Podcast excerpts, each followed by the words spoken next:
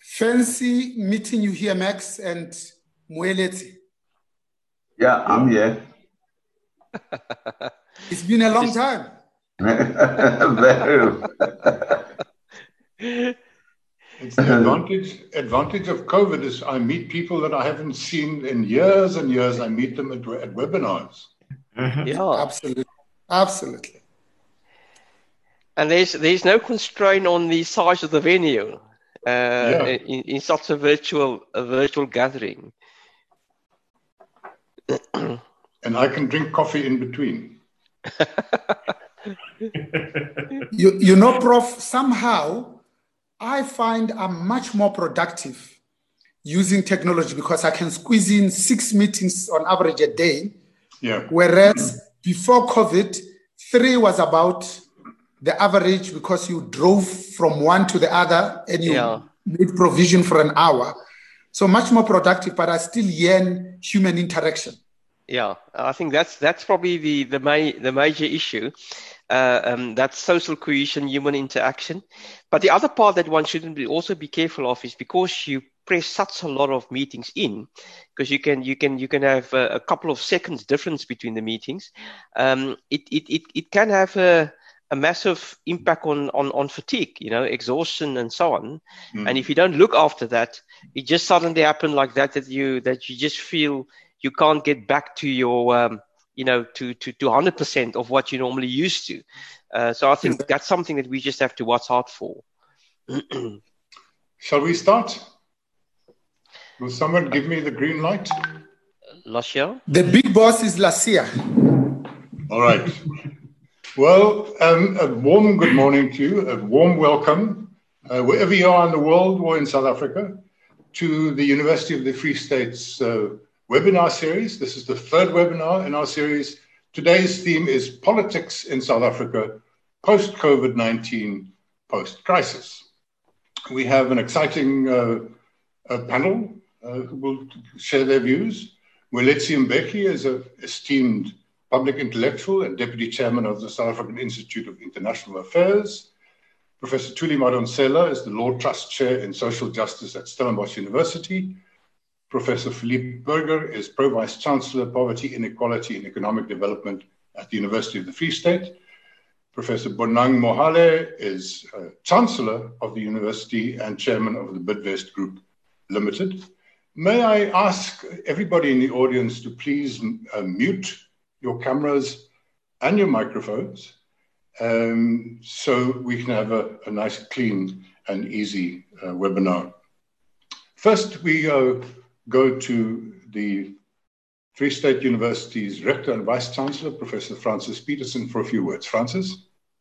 Thank you very much, uh, Dr. du Preez. Um, and I would like to say also good morning and welcome to all of you. Now, as a public higher education institution in South Africa, but you can probably also say any public uh, higher education institution in the globe. It is our responsibility to contribute to public discourse. And in 2018, uh, the University of the Free State started the Thought Leadership Series with the aim to bring experts on various topics together and to address these per- to address pertinent issues of the day. Now, this year, uh, we are presenting the University of the Free State Thought Leadership Series as part of the Free State Literature Festival's online initiative. And that online initiative is called Vryspraak Digital, uh, um, in, in collaboration with the Vrye Weekblad. Higher education institutions globally are placed in a, in a very challenging context uh, uh, in the midst of COVID 19. And aware and grounded in the reality that the world will not return to the normality of pre COVID 19, our, respons- our responsibility as scholars will remain to contribute to public discourse, but also very importantly to offer solutions that will impact the lives of people um, nationally in South Africa, in our province, on the continent, and also globally. And that is to help citizens of the world to understand and to make sense and to adapt to a new world order. Now, against this background and context, this year's debates, as uh, uh, Dr. and Max already have uh, um, referred to, focus on post COVID 19, post crisis. And we have effectively, we, we're going to have four of these themes that that focus within the post COVID nineteen post crisis. Um, the earlier two that Max referred to referred to health and modeling. Uh, then we had a panel discussion on the economy. Today we talk uh, uh, uh very much on the political landscape, and then we're going to look into uh, the last panel uh, discussion in November will be on predictions for 2021, which I know is a dangerous theme uh, uh, because uh, you know how will that look like, but it will be will be quite useful to see what the panelists will say around that uh, in that specific panel discussion. So, placed in COVID 19, uh, um, we are presenting this series virtually. Uh, and, and as I said earlier to the panelists, in a virtual presentation, we don't have the capacity or the, the, the capacity constraint of the venue. So I'm, I'm, I'm, I'm looking forward uh, to many of you to join this, this session. But also let me extend my thanks and appreciation to our esteemed panel, uh, which uh, our facilitator, Dr. Max de already have introduced. But I would like to particularly recognize uh, our Chancellor, uh, that is also a member of the panel, Professor Bonang Mohale. So welcome uh, to our facilitator. Uh, let me also say thank you to, to you, uh, Dr. Max du Preez, an earlier recipient of an honorary degree from the University of the Free State. And we always, we always uh, are happy to welcome you uh, um, at the university, Dr. du Preez, and also thank you in advance for the role that you will be playing this morning. Um, so, colleagues and, and, and, and, and members of the audience, please enjoy this webinar with us. Thank you. Thank you, Francis. Ek is nie 'n alumnus van Vrystaat nie, maar ek is 'n Vrystaat van geboorte, Vrystaater van geboorte. So dit was goed. Um, ladies and gentlemen, we're going to give each of our panelists 10 minutes uh, to make some remarks, and then we will discuss. Uh, again, please uh, mute your microphone and your camera. But then you will see on your screen there's a little bubble that says Q&A. And please feel free to uh, type in a question and direct to one of our panelists, and I will then direct the questions to them afterwards. Um, our first uh, contribution comes from uh, Moeletsi Mbeki. Moeletsi, good morning, welcome. Over to you. Okay, I'm trying to unmute myself. Okay, I think I, am live. Uh, Max, thank you very much. Uh, and thanks to the university for inviting me to participate in this uh, very important topic. Uh, I wish we had more time, uh, maybe a whole week, uh, because the issue of the crisis in South Africa, I think it's unfolding. Um, I think COVID 19 has revealed uh, the problems that we all knew we had, uh, but it has brought them uh, up to the surface in a in a very dramatic in a very dramatic way. Uh, just to remind ourselves what politics is about, uh, politics really is about how to share scarce resources in a particular commu- community. It's about the process of sharing those scarce resources uh, in that in that community. How do uh, how is this decided and how is it gone about? Uh, and this is important because if resources are scarce, then it means you there is competition for resources. So politics is about competition and it's about contest. So that is a, a very important point to, to, to, to understand is that politics is always about contest uh, as to how do we share the scarce resources. If I uh, look at South Africa today, uh, South Africa today, we have a model, obviously, that we have adopted. That was adopted in the constitution between 1993 uh, and, and 1996, uh, which is the democratic model. And the democratic model, uh, which is very clear on, uh, on setting up the formula for how you, uh, you allocate resources. Uh, the, the formula is that political parties compete for control of the state, and, and then the state, uh, governed by a constitution, decides how resources are to be are, are, to be distributed. And, uh, and whoever wins the majority of the vote then controls the state for the period uh, of, say, five years, which is five years in our case. It's four years in the United States. Uh, but it's, it's different times in different countries. And, and now I'm talking about democratic countries. So it's a contest between political parties. Uh, but democracy regulates the contest so that it does not become an, a conflict. It's a competition, not a conflict, uh, and certainly not an armed conflict. So this is very important to understand that that is the purpose of, of democracy. It, it, it's not to get rid of the contest, is, is, is, to, is to regulate it so that it does not become a destructive contest, but becomes a constructive contest between political parties. Now, South Africa, who controls, and this is a who controls the state today? This is a fundamental question that we normally don't discuss. In South Africa, our democratic process, uh, the, the, the interest groups that control the state are the African middle class.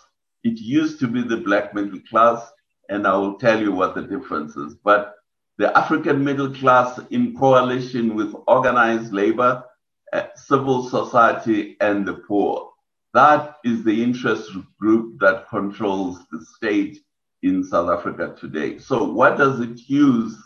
This coalition, what does it use uh, its, its control of the state to do? First, it used it to get rid of, of, of racial discrimination and to introduce a democratic uh, constitution. So that is uh, the, the, the first point to understand. But that that is in a way the past and the broader context. But on a daily basis, what this coalition does is, is that its objective, its primary day-to-day objective, uh, besides keeping the peace and all those things, is actually to distribute resources to its constituencies, which is the black middle class, organized labor, and the poor. That's where it, it, its primary resource uh, mission is, and and it distributes these resources through the tax system. Uh, so what you get is that our politics in South Africa today, under the present uh, uh controllers of of the state, are fundamentally about how to distribute using the tax system uh, to, uh, to these three key stakeholders I have outlined, the African middle class, organized labor, and to, and to the poor. Now, that is, and, and the tax system is, of course, allowed under the Constitution as a mechanism for financing the state and paying the people who, who run the state. Now, this is very important in understanding COVID. Because what COVID does, it reduces the resources that are already scarce, it reduces them further. And, and that is where the, the, the crisis comes in. If we had, we go back to the topic of uh, South African politics post COVID, post crisis. COVID reduces the resources and, and, then it creates, in a way, a, a crisis uh, within the coalition in the first instance, because now all of a sudden uh, they have fewer resources. They haven't had time to, to adjust as to how are they going to, to distribute these resources amongst themselves, let alone between the broader society. So what we're seeing in South Africa is a crisis within the coalition that has been kicked off by COVID 19. This ruling coalition, now the, the, the resources are less and less. So they have now to decide who, how to redistribute these resources. And what we are seeing, the decision has already been made that the, the, the one who is going to be thrown overboard is organized labor, which is why the Minister of, of Finance decided in February that he is not going to honor anymore the agreement, the three year agreement to increase the wages of organized labor. So we now are approaching a crisis because this is an arbitrary decision within the coalition.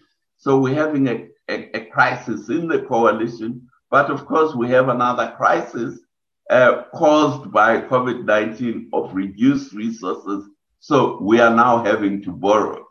So this is the second uh, crisis that, that we are faced with. Uh, uh, Mr. Chairman, I think I've taken my 10 minutes.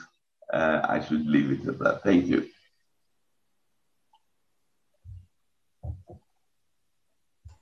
Thank you very much, uh, Moeletsi. Uh, now, next is Professor Thuli Madonsela, uh, Law Trust Chair and Social Justice at Stellenbosch University. Tuli, the floor is yours.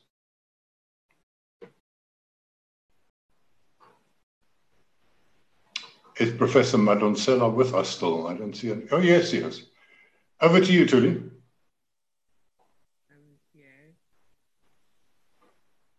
Thank you for the privilege to be here.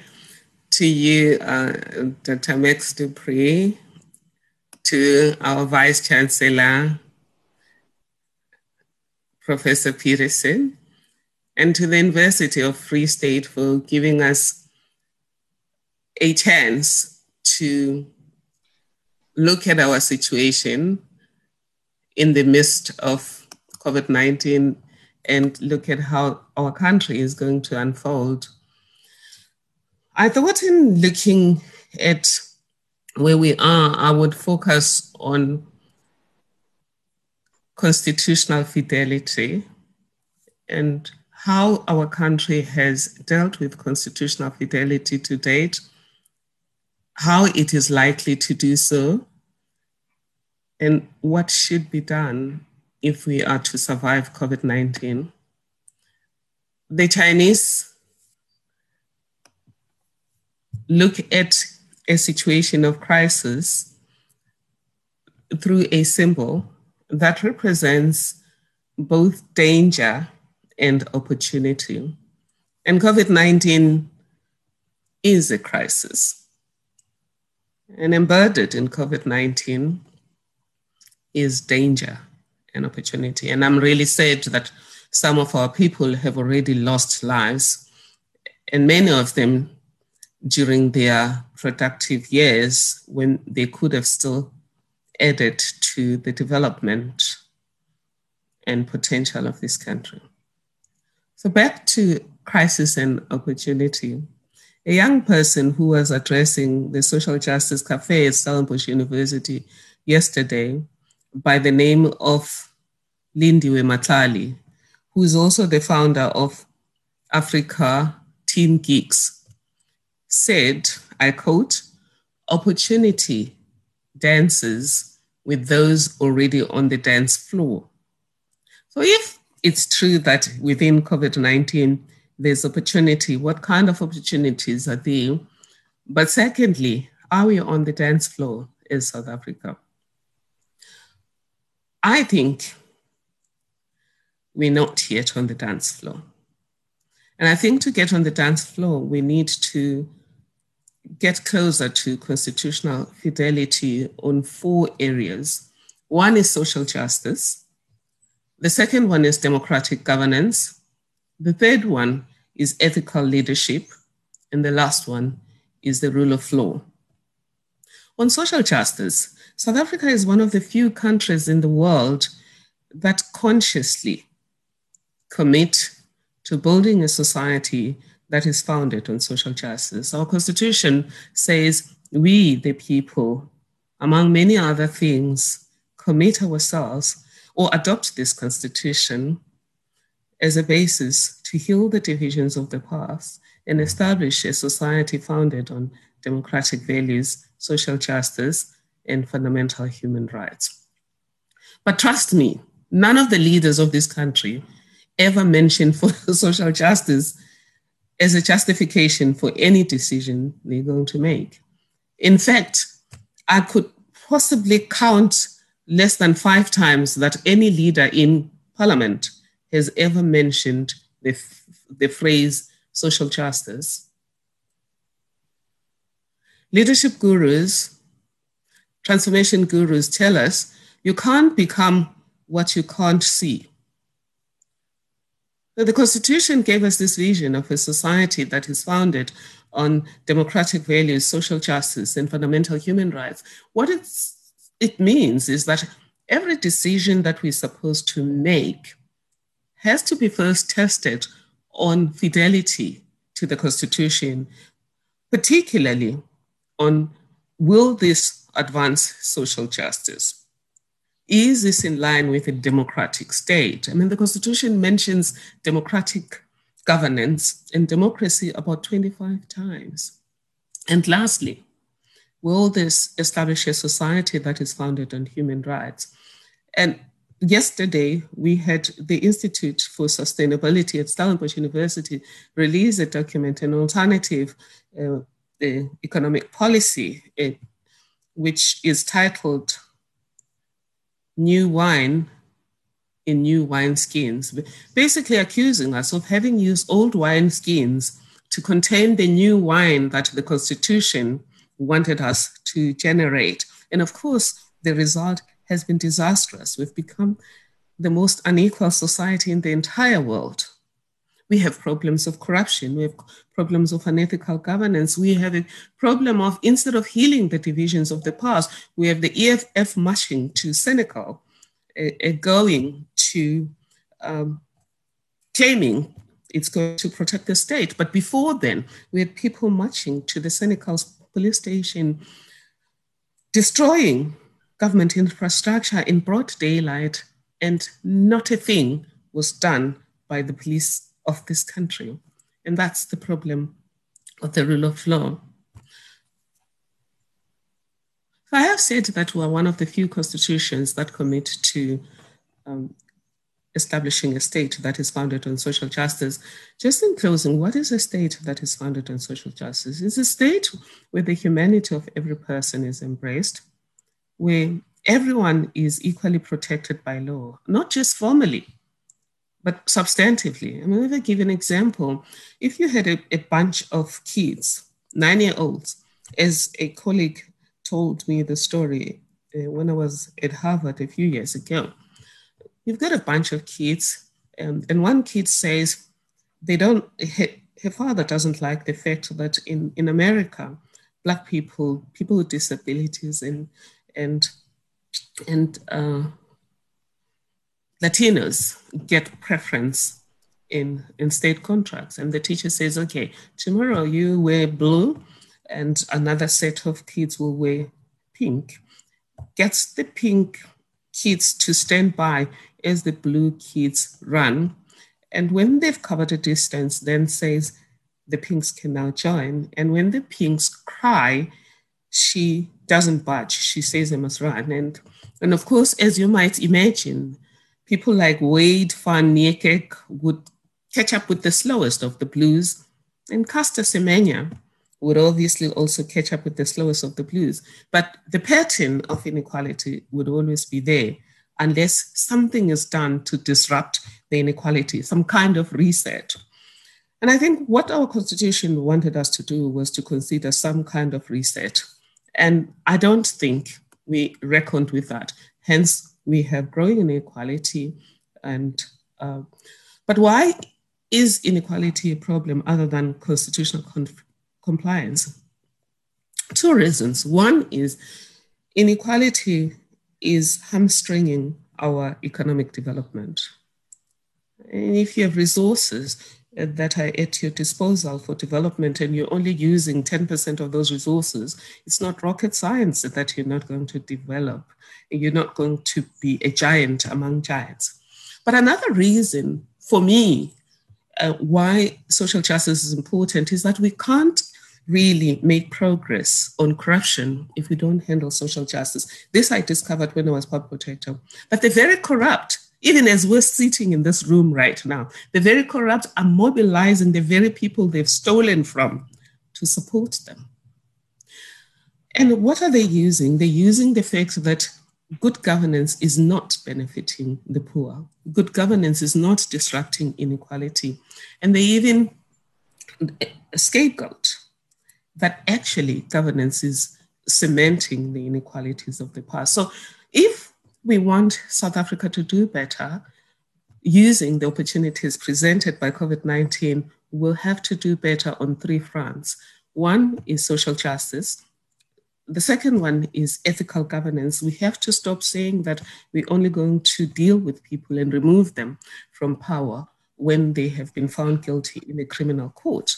We have to remove them if they're unethical because that's what the Constitution says. When it comes to the rule of law, we have to make sure that we adapt our, our, our law to the challenges of our time so that people don't get away on technicalities. And lastly, above all, let's use social justice as a means of growing as a country, as a people, and achieving sustainable development. Thank you. Thank you, Professor Madonsela. Thank you very much.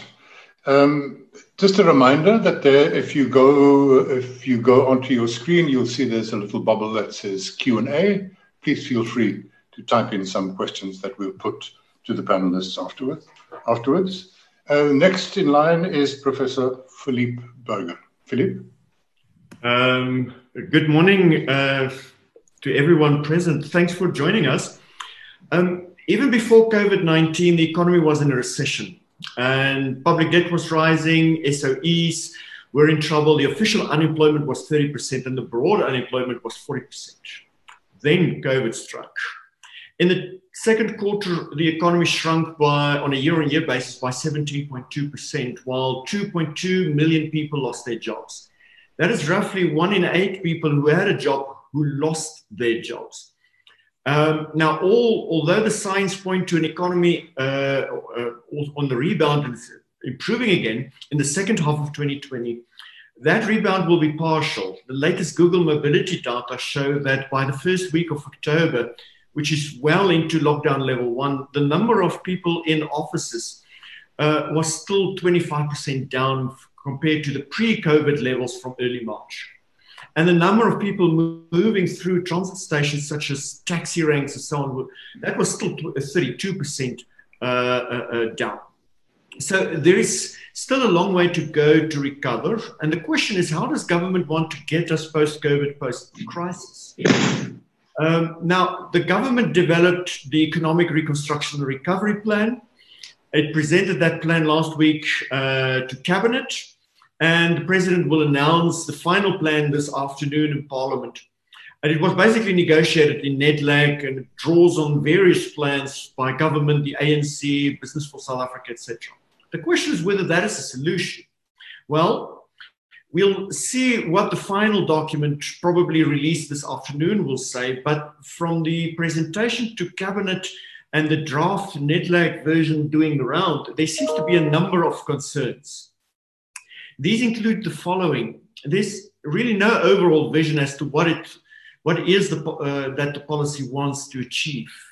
There are few quantified targets. It says more investment, but how much? It says more growth, but how much?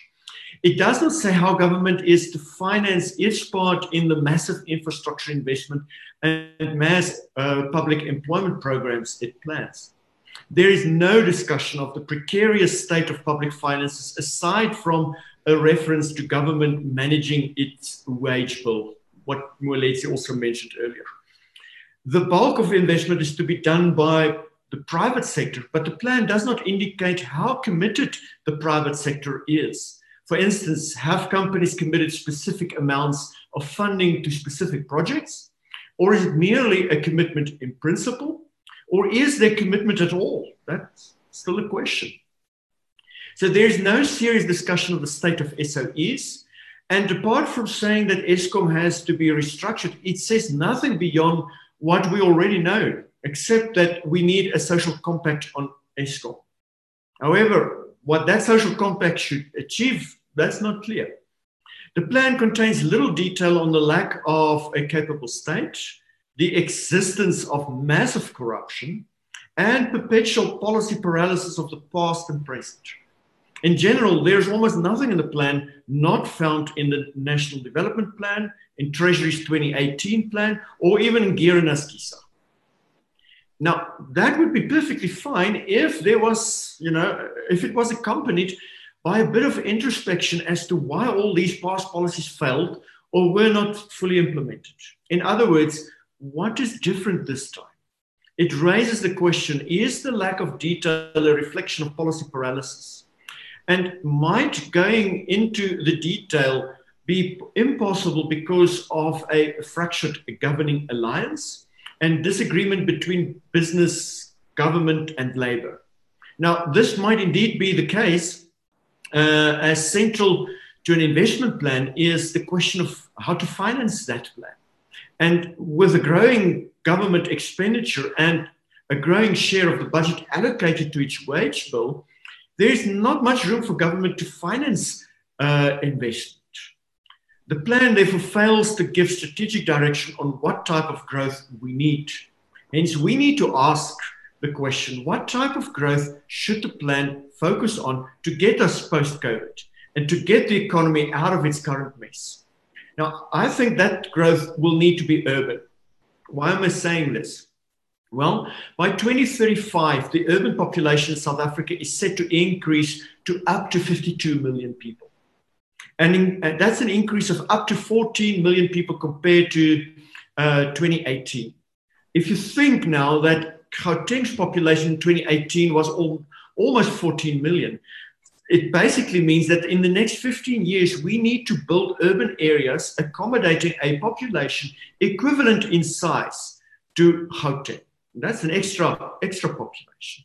And this would entail accommodation, places of business, places of worship, entertainment, etc. So we therefore need a growth plan that focuses on urban development. We also need that growth plan to be green and sustainable.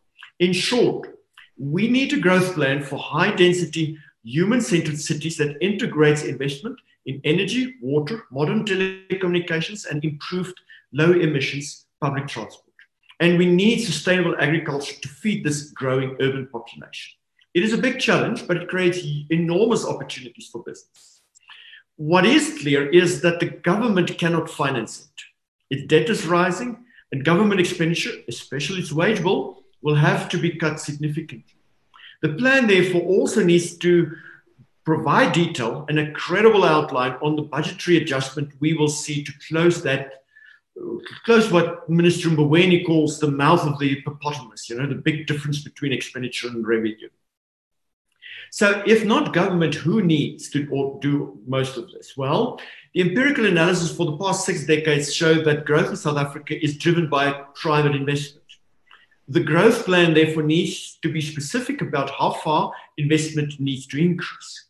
Now, the data shows that roughly for each percentage point we lift private investment as percent of GDP, per capita economic growth increases by a third of a percentage point. Therefore, to lift growth by two percentage points, private sector investment must increase from 12 to 18% of GDP, 50% therefore more than it is currently. For companies to invest more, they need to see an improvement in expected profits and a reduction in perceived risk. Thus, the growth plan should contain specific details on how this will be done. Steps should therefore include the removal of stumbling blocks, red tape, policy uncertainty, etc. Basic questions such as why, for instance, is a country with too little electricity limiting the amount of electricity that can be generated by a private company for its own use? And therefore, markets should be open to deregulated. So we need the details on who will do what, by when, and particularly at what cost. The plan currently doesn't do that. However, the president said it needs to be a government led recovery. But that might be problematic. The South African state is not a capable state and it lacks funds. It cannot be a developmental state. We need a sense of realism of what is attainable. So instead of an all encompassing state, we need a state that focuses on achieving a more limited set of objectives and do them well. In many aspects of the recovery, therefore, the private sector will need to lead, particularly if it brings the money, the management skills, and the know how. And agreeing on who leads where, that is in essence what we would require from a public private partnership or agreement between the public and private sector. As I said, notwithstanding all the growth strategies coming out of government, there has been perpetual policy paralysis in the past and present. The inability to overcome this paralysis affects the interest of many people outside the governing alliance.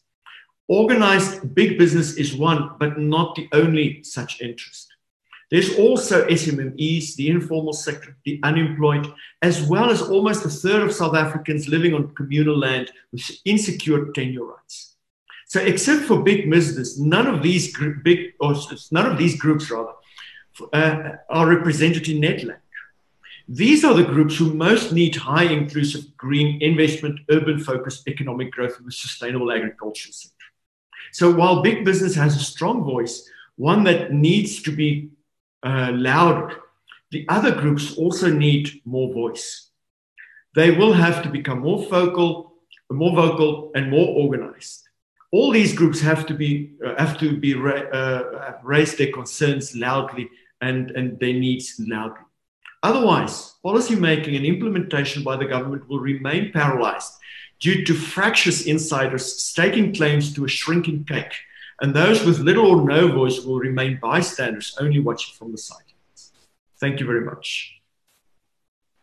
Thank you, Philippe. We now have the privilege of listening to the Chancellor of the University of the Free State, Professor Bonang Mohale. Bonang, over to you. Max, thank you very much. And uh, let me continue on the same vein as the rest of my colleagues to say the 1918 Spanish flu taught us many things. But it also taught us that, in fact, it was 18 to 20 because it came in two waves. Five million people perished, but more were killed on the second wave than on the first wave. So today is our day 204 of the national lockdown. Yesterday, the president, through COGTA, decides to increase um, and extend the national state uh, of disaster by another 30 days. But what we see in the Northern Hemisphere is that the infection rates are actually increasing in the Americas, uh, but also in Europe. But I think what is puzzling the scientists is that there is radically lower deaths than was experienced in what we now colloquially refer to as indeed the first wave.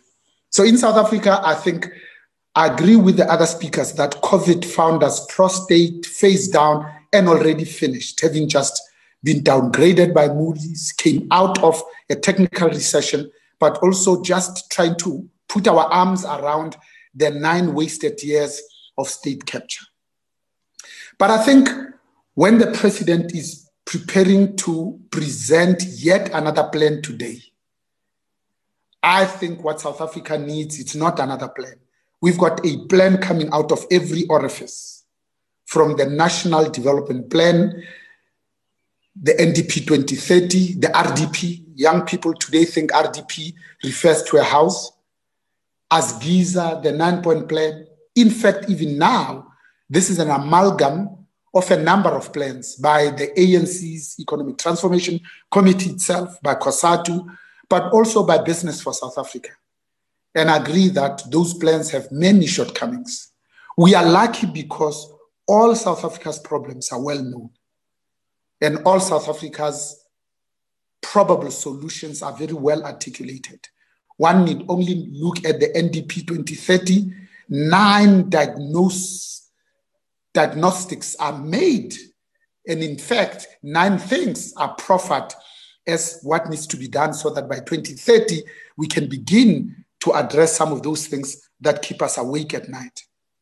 But for me, a bigger issue is what are we confronted with today? The first is that we were warned by our other African compatriots that this ANC of yours, when it comes into power, it will do exactly what other African leaders did in the continent. And we thought they were smoking something. Secondly, they said to us, these Uhuru presidents that rule for 40 years are not good for Africa because over a period of time, thirdly, even the good guys left on their own eventually become the good guys. Lastly, they said to us, you need a viable opposition just to keep the good guys in check. Now, when we look where we are, how true those words were in, in fact. But also, we made our own mistakes. One, just because our leaders spent 27 years in Robben Island, we thought that they were incorrigible, therefore uncorruptible. How wrong we were. We also thought that we could extrapolate their skills into running a modern, rapidly globalizing economy. What is being revealed in the Zondo Commission shows not only a high level of incompetence, industrial scale looting, but that we have actually replaced the good guys with the bad guys. For me, moving forward, there are a number of things that we need to really pay particular attention to. And we have just emerged from major and embarrassing scandals. I was counting just the big ones uh, before I came this morning, and I came up to 42. Let me just talk about three or four. Life Esidimeni, I think, exposed the lack of morality of the people who call themselves our leaders when we killed more in terms of numbers than any other of the crises that we've spoken about. What was revealed in SASSA, a list of ANC leaders that every year were going to Father Christmas and probably led by people like Nomvula Mokonyane and her children. When you as a leader coming out of Mohlakeng now need to drive around in an Aston Martin. In one transaction, you are given 2 million rand and you go to the Zondo Commission and you, you say you don't know who paid for your 40th birthday. It just shows the depravity. But also what we saw around the VBS where 2 billion was just looted from the most vulnerable of us. And now we are emboldened and heartened by the fact that the National Prosecution Authority has now found its spine and is beginning to act cautiously, I think rather late than never. But we know that, in fact, what the problem is amongst the social partners is that we are witnessing probably the lowest levels of confidence, of trust, and indeed of hope. And when people have no hope, they'll start behaving like South Africans are behaving uh, today. So I think what COVID 19 has really done is to simply expose the fissures, the already existing gross uh, inequalities. And how do we then expect, with all reasonableness, that our people, the majority of whom are still in townships, will be able to comply with the four things that are required that we have learned from the World Health Organization, just to be able to stay alive and make sure that they don't become part of the statistics. How do you practice social distancing, self quarantine, basic hygiene, and wash your hands with running water and soap for no less than 20 seconds and wear a mask when we know that the majority of our people can't even afford uh, that mask. In so Soweto, we estimate today that there's three and a half million people. This is more than the population of Botswana, Lesotho, Namibia, and Swaziland. It's bigger than those countries. Majority of houses, four-room houses, two-bedroom houses. How then do you do social distancing? Those people are condemned to be indeed part of the statistics. It's just that science now tells us, for whatever reason, I think we are underestimating the people that have been infected. In fact, the numbers should be more than 12 million rather than the people that we're thinking are approaching 700,000. Let me conclude just on two things, uh, Max. The first, really, for me, is how then do we ensure that we give the president the best possible chance to have a little bit of credibility and believability in announcing a plan that is credible, that is competitive, that is acceptable, and that is indeed going to speak to some of these things that are keeping us awake at night. The numbers are important. This notion of who's going to be held finally accountable, I think, is absolutely critical. But I think let's go back to why are we where we are. So number one for me is We'll only start believing that this government is serious when it can send top state capture miscreants to jail. Not all of them, maybe the top three to show that they're absolutely serious. At the moment, there are people that we know have looted like there is no tomorrow and they're still walking the streets and they're mounting a huge fight back campaign. Number two, I think we need to embark on the much needed systemic and systematic deep structural reforms. I don't know why we are avoiding that because we know what needs to be done. Thirdly, for me, it's about making sure that we reduce the public sector wage bill. When you consider that 70% of what we collect from SARS goes probably to no more than three things the public sector wage bill, servicing debt, and of course, social security. The last two or three for me is continuing to focus on not fixing the more than 740 state owned enterprises and state owned companies. If we don't grow this economy very soon, we'll be talking about the redistribution of poverty, not the redistribution of wealth. And then, lastly, of course, we need to create jobs in large numbers. We added 5.6 million people through 350 uh, social and economic recovery plan when there's 18 million people already on social security, only 16 million that are gainfully employed, and we have lost 3 million. So our actual numbers are closer to 13 million. Lastly, of course, we need a common enemy, like we had apartheid as a common enemy. What will that common enemy be? It can't be jobs because it's a symptom. Maybe a much more sustainable and indeed much more resilient one is we have to focus on the basics to make sure that we give our people a fighting chance. Therefore, focus on education, especially professional education. TVET colleges are not working. We spend 50 billion with a completion rate of 3%. We have to reimagine, repurpose institutions of higher learning, especially for professional institutions. Thanks, Max. Thank you, Professor Mohale. Um, question time, and uh, we have uh, received a few questions. I want to come in quickly um, with my own question after Professor Mohale's last point about sending people to jail. And I want to ask Thuli Madonsela and the other panelists, after years of inaction, the, the prosecuting authority and the criminal justice system has kicked into a new gear. Do you think we can declare that this, the tide has turned, that accountability is now finally back uh, on the table? Has that shifted the locus of power inside the ANC? Thuli, you first. Thank you. Thank you, Max. The tide is turning and the tide has turned. And for me, it was a matter of time.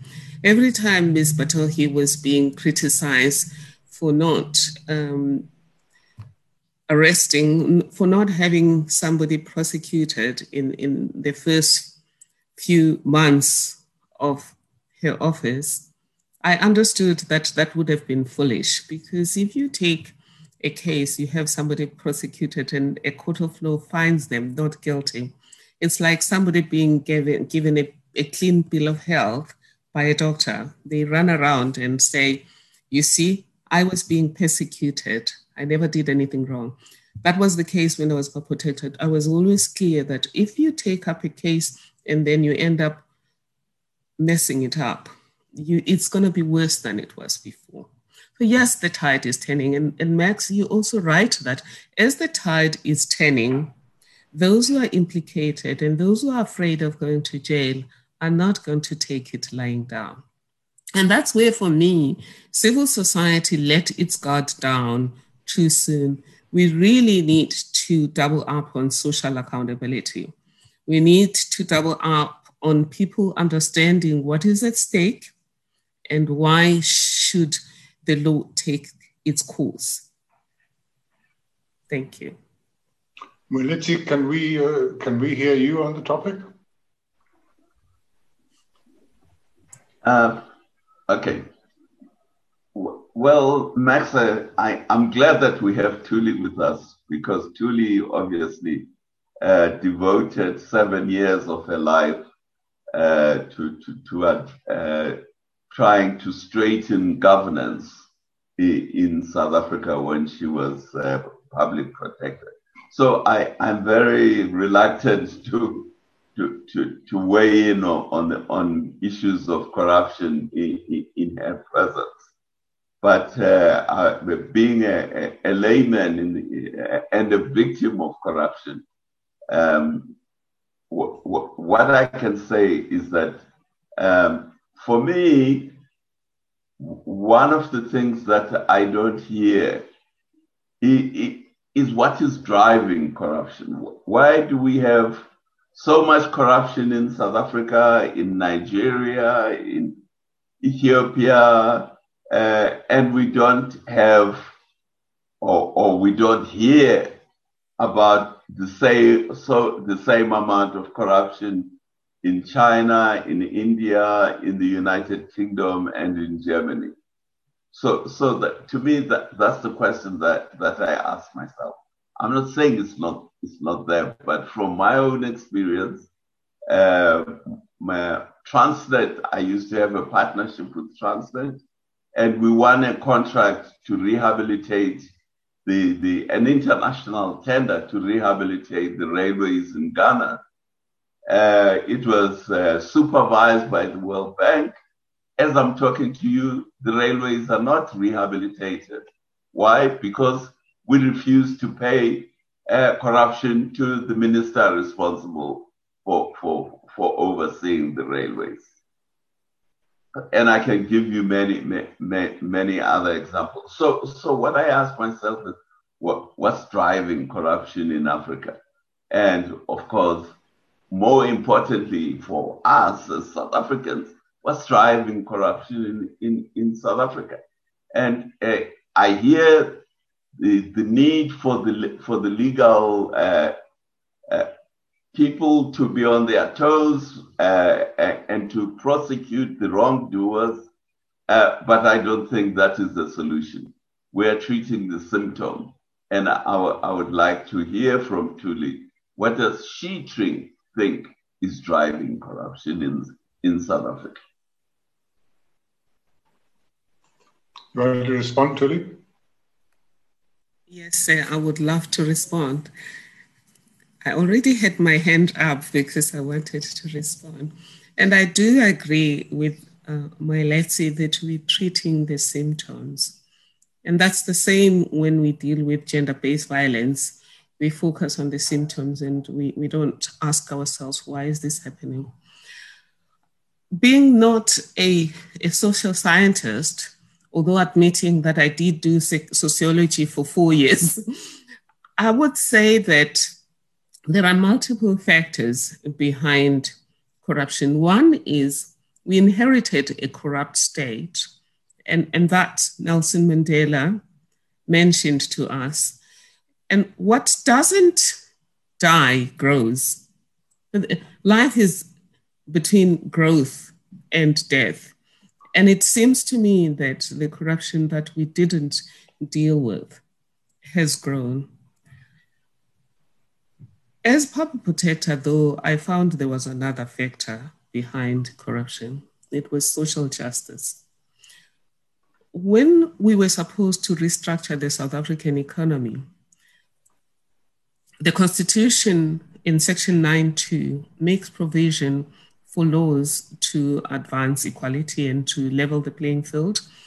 And a properly consulted process uh, was undertaken, and the Equality Act was passed, and Chapter 5 of that Act was about advancing equality. People talk about state capture and and we, we, we, we complain about the Guptas but state capture is not a new phenomenon by the Guptas. The elite globally, if, if you look at world um, World Bank literature, it will show you that the elite globally is always there as a shadow government. And if it is allowed to be a shadow government, it does that. I'm bringing this because as we speak, 20 years later, Chapter 5 of the Equality Act has not been implemented. Instead, out of the blue, the BE Act came out. And the BE Act was not about direct empowerment, it was indirect empowerment. You're going to empower existing companies provided they give a stake to 25, a 25% stake to the historically disadvantaged. And what did they do? They gave that stake to politicians.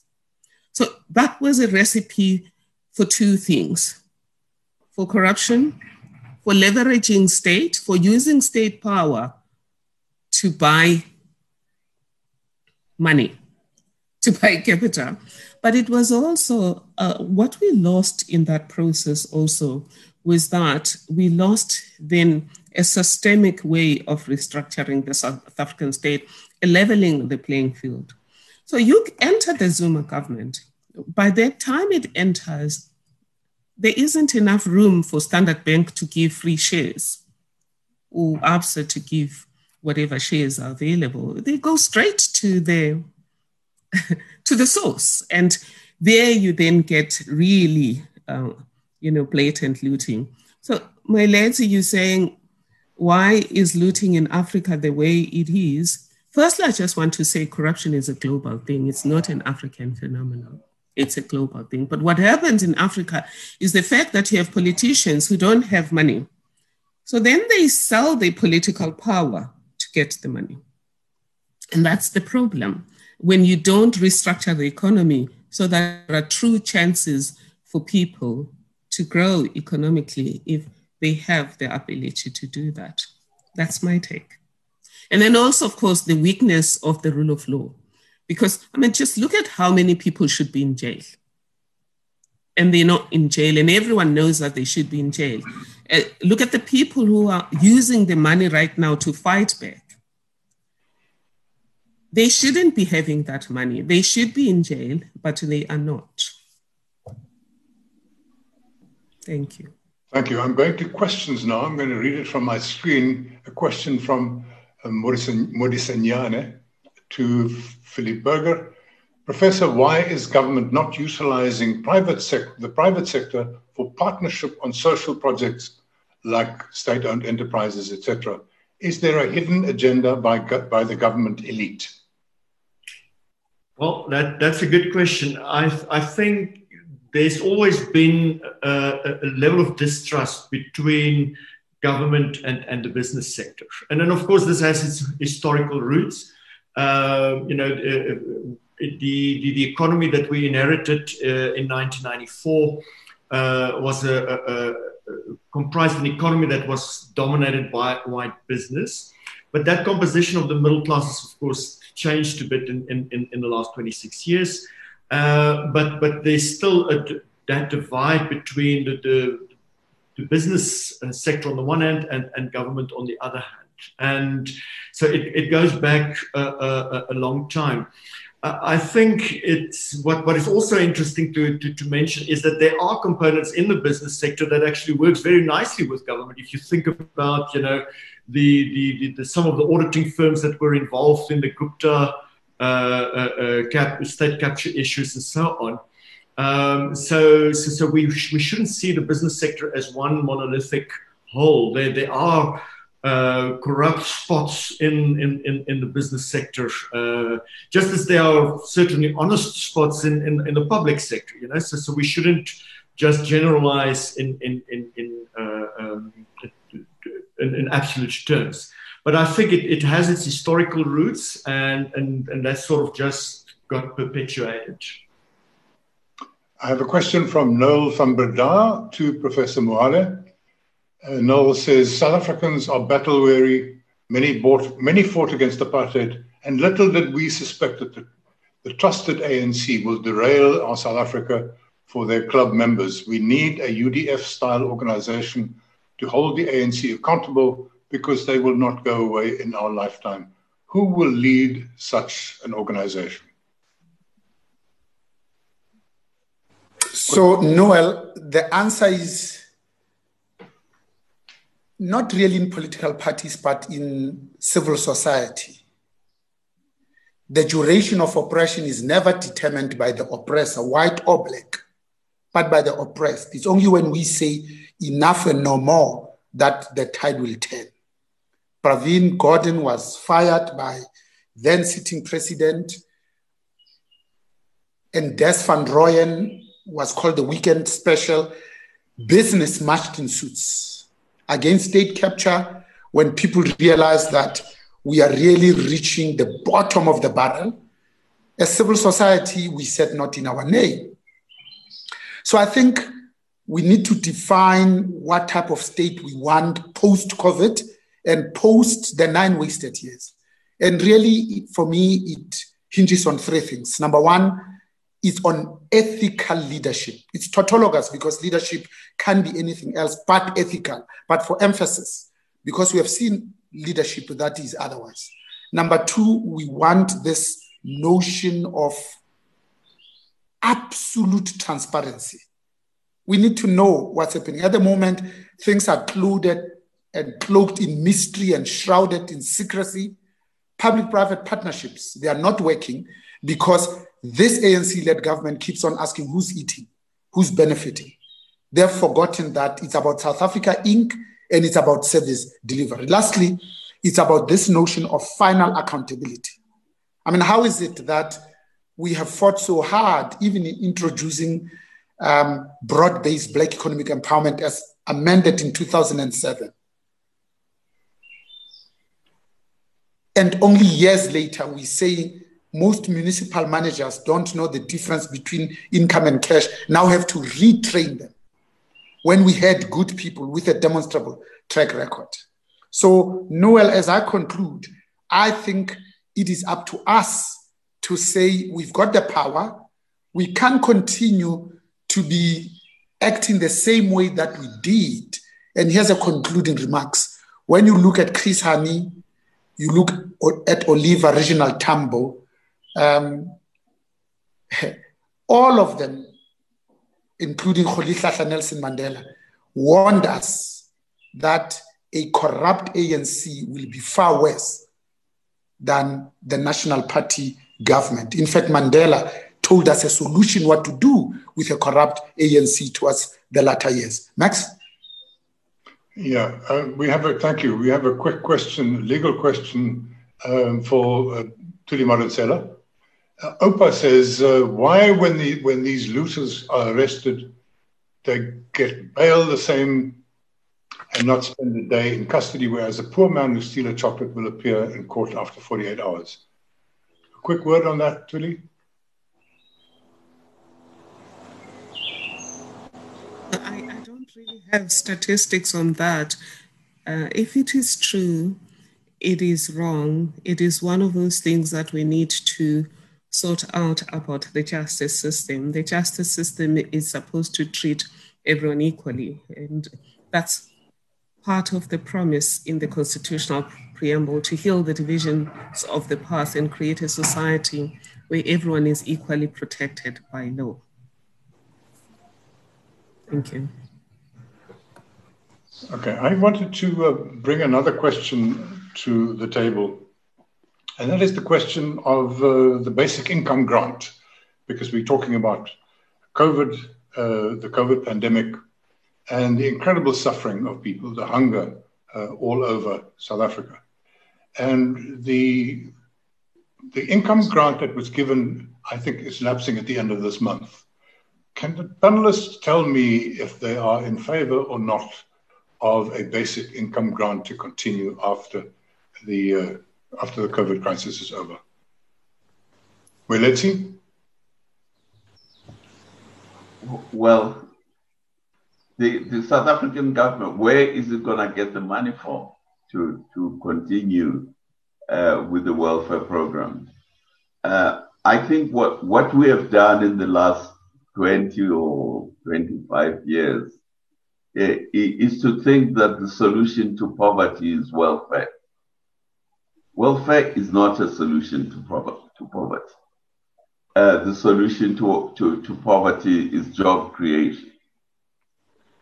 So it, is, is to make is to facilitate to enable the people to create their own uh, their own welfare by working for themselves. Now, working for yourself doesn't mean that uh, you, you are an informal sector worker. When I go and work in a Ford Motor Company, I am adding value, I am working for myself, and I'm working for my family. That is the solution to, to, to poverty. We, we have a fundamental uh, problem that we, we, we have to address in South Africa. And the fundamental problem we have is that in order to set up the mining industry in the 19th century and early 20th century, the British and the mining companies destroyed peasant agriculture. Now, South Africa is the only country on the African mainland that has no peasantry, that has no peasant agriculture. Now, the, but we have a third of our population living in the rural areas, but they are not able to produce. Now, we have to create a situation where they can produce and look after themselves, which means we have to invest, as, as Philippe pointed out, we have to invest in the urban areas where they are migrating to. But between now and when they when we are 100% urban, we also have to invest in the former homelands where the people actually are sitting, so so that they become productive themselves. So myself, of course, welfare is a simple answer that this government uh, has pursued because job creation is a very tough call, and job creation needs sacrifice, sacrifice by the elite themselves who are living off the taxpayer. The money that the taxpayer is paying to the elite and the civil service and whatever and the politicians instead of going to investment, is going to their consumption. So these are the things that have that have to be addressed. So the question is not whether I am in favor or against basic in, income grant. The welfare as it is practiced in South Africa. And, and you know what the, the welfare buys? If you look at welfare at the poor in South Africa and in Brazil, the poor get similar welfare in Brazil as well. But the Brazilian poor buy Brazilian products made in Brazil. The poor in South Africa buy imported products with the welfare. Our clothing industry has collapsed. Our footwear industry has collapsed. We are importing chicken from the United States, United Kingdom, Brazil, Germany, we're importing pork from, uh, from, from Spain, from Canada. So when, the, when you give money to the poor, the welfare to the poor, much of what they buy is not South African products. They're buying imported products. So you are not solving the problem. The money that we should be using to buy machinery, capital goods, to create jobs in our in our economy is going to buy, buy uh, consumer products from abroad. So th- this is the big challenge that that we, we, we, we have to address. It's a very fundamental, very fundamental issue in South Africa. But we choose the easy route, which is we give money. But now we don't have the money, so we are now going to the IMF to borrow the money, which just exasperates the problem. And we have a question from Willem Lowe, uh, and I read it. The governor of the Reserve Bank says just take three of the NDP activities and start there as the beginning of the recovery plan. Why this innate inability of government of converting their own plans into action? And can we throw into that the, the whole question of a capable state? Because whatever plan we hear about this afternoon, whatever fancy scheme comes up, if we do not have a capable state, uh, we cannot implement it. Can I have uh, Professor Mohale on this on this topic? Thank you very much, Max. So first of all, the revelations are actually quite frightening, and they go deep uh, to the bones that this ANC-led government is getting kickbacks from deploying people as ambassadors when other countries are putting their best foot forward. Because what is an ambassador? To promote trade between your country and your host country. You need to know something about business. You need to spend your time, energy, and effort engaging, interacting, and interfacing with the business community. Most of our ambassadors, and before I turned 40, I'd been to 100 countries. They are not even doing that. But it's on the back of what we learned that the reason why they are continuing to have a deployment committee on the more than 740 state owned enterprises. The National Party used it as a crucible for votes, but also to create skills. That's how the Altrons of this world were created, but also artisans, boilers, um, uh, lift mechanics, um, metallurgists um, were created. What are we creating? Um, now we know that no, no, no. When you become the CEO of Transnet, in fact, uh, 5% of your salary must go back to the party because they are unable to pay for their own employees at Luthuli House, and the same in other provinces. So you can see that our problem has become systemic and systematic.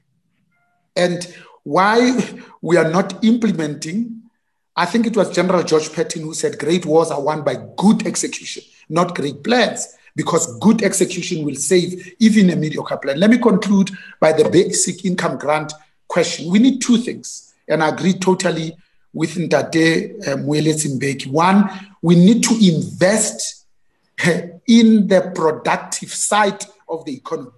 But as far as labor is concerned, we need to increase productivity. I mean, at the time that we are hit with COVID, CEOs are saying we need to reduce our salaries. We're not taking bonuses. We are deferring our long term incentive programs and we are making contributions to the Solidarity Fund. Labor is sitting and standing firm and saying we want double digit salary increases. When South African Airways was unable to pay salaries, South African Express Airways has not been since March.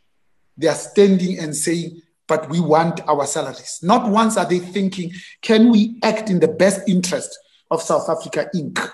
So, lastly, I think what is needed is also foreign direct investment so that business uh, can also start putting their money where their mouth is. But business will only invest when you give them two things regulatory certainty and policy stability. At the moment, we are all over the show. We don't know whether we want to nationalize the Reserve Bank. We don't know whether we are going to embark on land expropriation without compensation, even though Section 25, Article 3A already has a provision in the eighth line that says when conditions of fair and equitable have been adequately fulfilled, then compensation can be down to zero, meaning nil. Thanks. Next. Um, Thuli Madonsela, I'm afraid this was inevitable. We have had several questions, as you could have expected. This one from Lungile. Professor Madonsela, I'm interested to understand why you feel amnesty should be extended to the corrupt in this country. And may I add, Thuli, that I gave you my uh, humble little support yesterday, and I was called a Thuli groupie. Well, maybe let me answer that first, and then I'm going to take a bite at something else. Um, I understand why South Africans are angry with me at the suggestion that people guilty of corruption, including state captures, should get amnesty. The average person is tired of the fact that the powerful get away with murder, literally and figuratively. The average person is, is tired of the fact that um, people who are powerful never go to jail and also they get to, to throw their wealth, their ill gotten wealth, in the faces of everyone having worked as a public protector and having worked in the public service, I know that a lot of ordinary people, clerks, policemen, etc., lost their jobs for the slightest of, um, of, of mistakes. Not even looting, just mistakes that they made. They lost their jobs, mistakes that they make, they are required to pay the money back. Having given this and understanding why people are angry, I am not suggesting that the kingpins of corruption or state capture should get amnesty.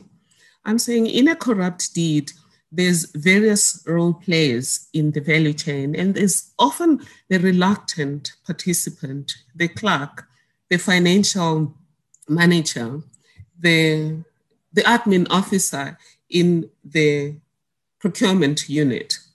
These might participate because they're afraid of losing their jobs. And trust me, my investigations as public protector, I found that people were, were dismissed so practically using too much toilet paper simply because they refused to budge when they were asked to participate in a corrupt deed or to pay Uh, unlawfully. So, so I'm asking that we consider that. And it doesn't mean they just get this for free. It's a get out of jail free card. It means full disclosure. We get to know what happened. We get the papers because at the moment we have a lot of hearsay. We would like uh, the, the paper trail. We want to know where the money went to. People launder money. Money would be paid into a company. It goes to Spain. It goes to Tunisia. It comes back to another uh, uh NGO in, company in South Africa until it then goes to the person who issued the tender. And if we have people who were involved in the system, it could help. It's done in plea bargaining. The guy who drove the getaway car in a bank robbery is often given an opportunity to plea bargain and make it a lesser uh, prison sentence to do that. So that's it. Uh, I'm not, I don't have a cousin who's going to benefit from this. And my so called white in laws are not involved in corruption. I don't have any in laws who are involved in corruption. They work for whatever they do. So um, it has nothing to do with anybody I know who's going to benefit. It's, it's based on my understanding of how crime operates, and corruption is a crime. State capture is corruption, and state capture is a crime. But I just wanted to take a bite a little bit, with your permission, Max, sure. on the issue of the grant. I agree 100% with my colleagues Moeletsi and um, um, uh, uh, the Chancellor, Bonang, that what we're called upon, and pragmatically, you don't want the majority of your people to be grant recipients. Both the Constitution and logic require that we invest in the ability of everyone to fend for themselves. Hence, the Constitution talks about to free the potential of every citizen and, and improve the quality of life of every person. So, therefore, that is a constitutional duty. But as we see it right now, we already had a huge amounts of unemployment. As we said when we, we released the new skin into new wine uh, economic strategy, was already we have huge unemployment. Already we have huge black tax in, in the uh, among the black middle class. If you see a person like me, you would say, there's no way I could ever wear Louis Vuitton even if I wanted to, because there's so many people that are dependent on me, just my own relatives, random strangers that have been hit by COVID 19 and things like that. So, even that is not enough. There are people who are starving. If you take away that 350 Rand, whilst we still haven't invested in everyone's ability to fend for themselves, what then happens? It's destitution, it's a collapse of everything. And I am saying to the ANC if the ANC wants to be kicked out of power, not democratically. If it wants to be kicked out of power, if it wants a revolt, not a revolution, it must take away that grant. You can't give away something and then in the middle of the crisis pull it off. The other thing that we, we need to know, dear colleagues, is that when people were, were prevented from earning a living by lockdown laws, it doesn't mean that when they, they're now allowed to operate, the impact is gone. The systemic impact continues Restaurants, if you look at where I am here in Stellenbosch, restaurants have closed forever. And the people who were running those restaurants are still going to be affected. Some can claim based on the rules that are allowing people to claim, but not everyone can claim. So I am appealing to South Africans that let's give people this grant as a temporary measure. But everything that my colleagues have said has to happen, which takes me to what Professor Burger said. Prof. Burger, I would like us to engage because you're working on equality. I would like me, you, and Max Swelling to engage because I like your approach, but I disagree with urban investment. Uh, even before this paper, My approach has always been use the China approach. Invest in your rural areas, turn your rural areas into cities, because then this urban congestion that you are saying is going to happen, it is provided we go with the scenario of business as usual. Obviously, if it's business as usual, we're going to have urban congestion. But if we turn things around, we invest in rural areas, we make sure, as China did in its anti poverty strategy, that rural areas they're able to manufacture there, they have infrastructure to send through. We connect them on the internet so that they can sell their wares on the internet. Then there are people who don't want to be in the urban areas. I mean, look at Stellenbosch. Stellenbosch is a rural area. People stay here because there's a vibrant economy here. Let's do the same thing with all rural areas. Thank you. Thank you. Philippe, maybe you want to respond to that, but my next question was to you anyway, and that was around uh, local government. Um, we have um, quite a few dozen mini failed states in our local governments.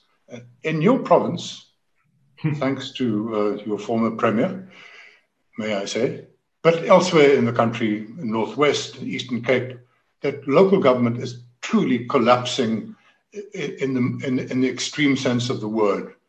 How do we fix that? Is it fixable? Max, I, I, I think there's a number of things we, we need to do. So the Constitution allocates some duties to each tier of government. And when you look at a district like in the Southern Free State, the Xhariep district, you know, I think uh, it's a, one of the five uh, big municipal or regional mun- municipalities.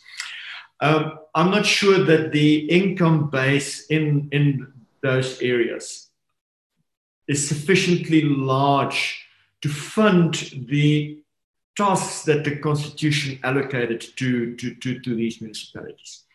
So, so we try to, to deal with it through, uh, you know, the, these uh, equitable share formulas that, that allocates money to, to, to, various tiers of government. But I'm not sure that that actually does the trick. So, so we really need that. That's the one element we, we really need to revisit. Uh, you know, are we not asking too much from, from, from, from our municipalities?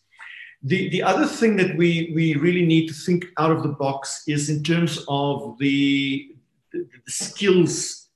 So, for instance, you know, not all of these towns have engineers to deal with the water and sewage works. Um, now, shouldn't we th- think about what I would call a flying squad of engineers, you know, that, that might live in a, in a bigger city because they don't want to live in a small town, but they go from municipality to municipality to try and, and, and fix these things. We really need to invest, I think, also in the uh, financial management capacity because, you know, very often it's it's, it's basic things that we need to manage. I mean, it's it's it's you know, is the the, the trucks that remove refuse. You know, are they maintained? Uh, is, do you budget for petrol? You know, is, is there a proper balance between your salary bill and, and the goods and services bill? We need proper management and proper capacity. But over and above that, you know, um, I, am not sure what how it was in the last five years, but but I, I a few years ago, I, I, heard that, for instance, that in the Free State, uh, almost none of the premiers, uh, none, none of the mayors completed their term. Um, you know, because of all the infighting, and, and because you know the, the, there are these these factions, and um, a, a position on, on the council is seen as a way to get to the resources. And so the moment you are the mayor or a councillor, you know, there's another faction that's going to try to get you out so that they can get their hands on. on. So, so we need to, uh, to, to, to look at that. Uh, what, what strikes me every time I walk into a government building is that there's a poster against the wall talking about Ubuntu. Um, and then, but, but then once you start looking at what's really going on there, then you see it's, it's basically a spirit of indifference and linked with the incompetence and linked with the greed.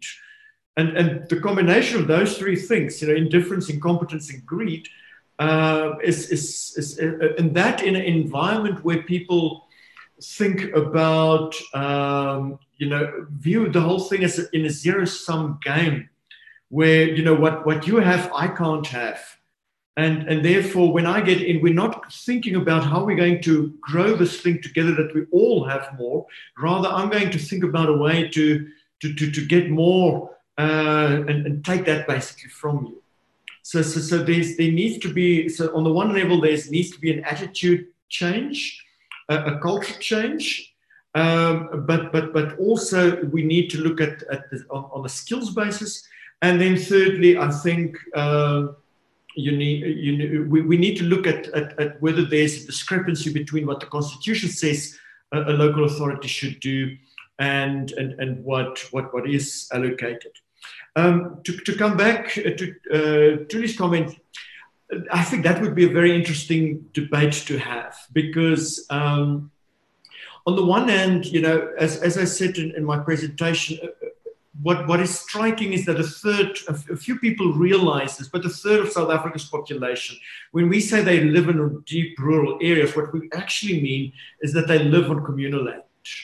Um, and uh, a, a, lot of what we have there is rooted in the fact that a lot of the legislation that, that have been passed and that was struck down by the Constitutional Court and that they've tried again to pass looks at, uh, uh, uh you know, deals with issues of tenure rights on, on, on, on traditional land. And I know there, there are people who talk about property rights, but I don't think that is what we need there. So, so we really need a framework where we ensure that people's use rights on, on uh, traditional land is secured. And why I'm distinguishing between use rights and property rights, you know, very often there's overlapping use rights on land. So when my maize is growing there and, and I and I harvest it, then somebody else's cattle can, can graze there. So we have we both have rights to the same uh, piece of land. But I think those use rights need to be secured because then, if I can have secure use rights, I can take that to a developmental finance institution and say, you know, give me finance to help to improve, to get better equipment, to to, to you know to plant my, my, my maize, to harvest it. So that because what you currently see is is a case where people uh, you know, in, in bad years, they are subsistence farmers, and in good years, they, they, they produce a bit of a surplus and they become commercial farmers, you know, for, for that extra bit of surplus. But then the next year, they're again, you know, in, in dire straits and they just become uh, subsistence farmers again. So I think there's a lot of what we can do. Um, so, so what we see is that, you know, uh, the census showed us that um, when we look at 17 year olds, and compare the for, for, every 10 people in urban areas there were something like seven people in, in, in rural areas uh, and, and, and, on living on communal land. But when we looked at 30 year olds it's basically for 10 people in, in, in uh, uh, urban areas it's only three people in rural areas. So people migrate in their 20s but that still leaves quite a number of people on traditional land. And if we look at in these ways to secure rights, to, to, to provide finance, to create supply chains, agricultural supply chains, that might make a big difference. Thank you. Uh, I think we can squeeze in one last question because Louis is eager to ask Moeletsi and Becky this question. Designing an equitable society is very hard. BBBEE started with good intentions but lost its way. Why not a pro poor empowerment scheme to replace BBBEE that speaks to the problem, poverty, that needs to be solved? Moeletsi?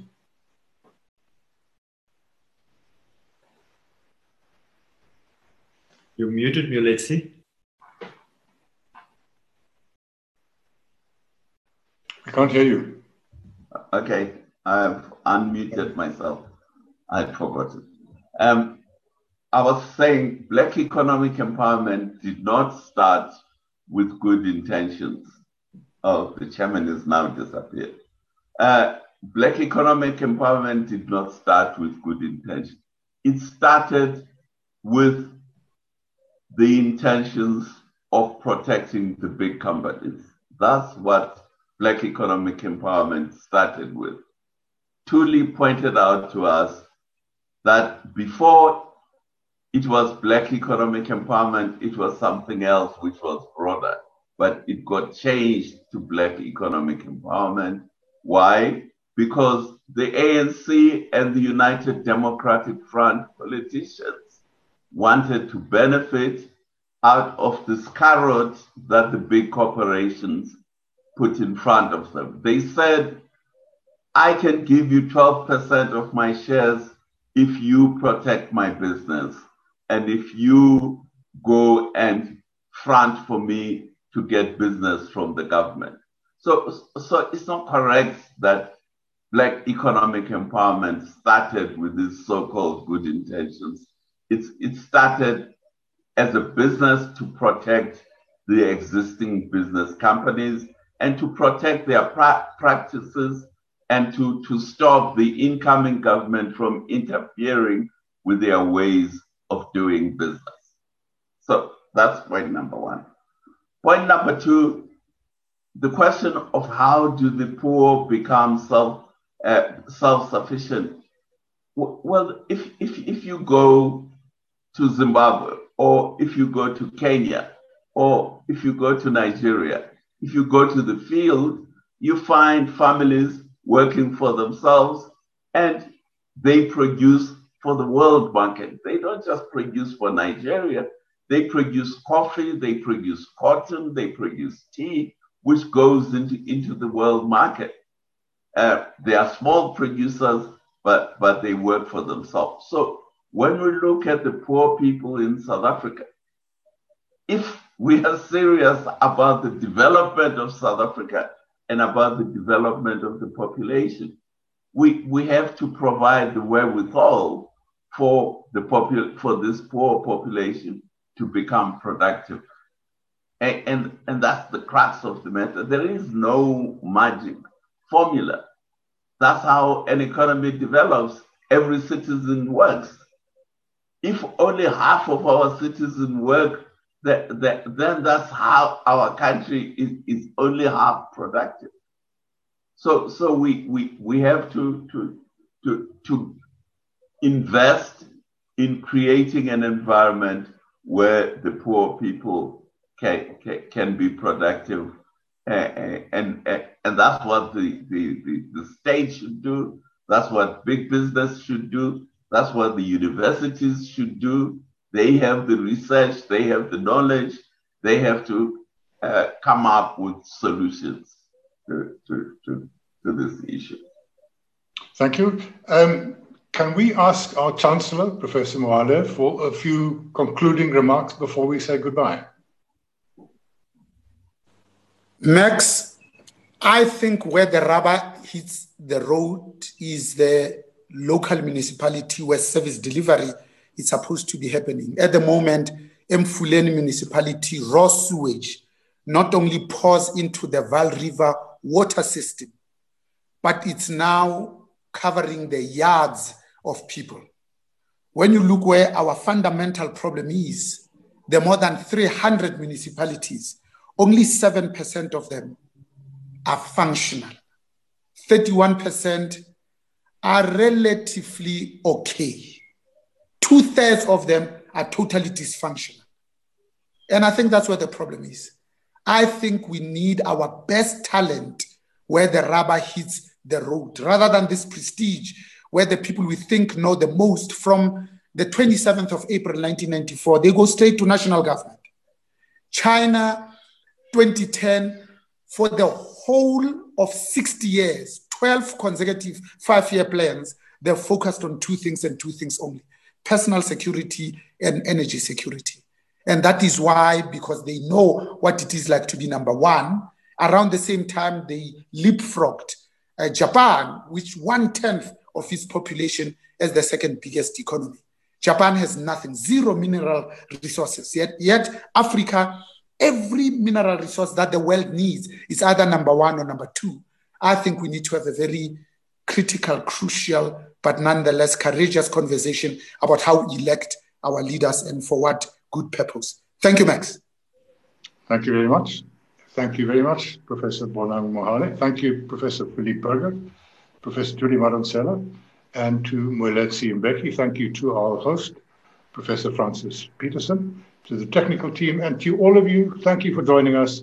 I wish you a successful, peaceful day. Goodbye.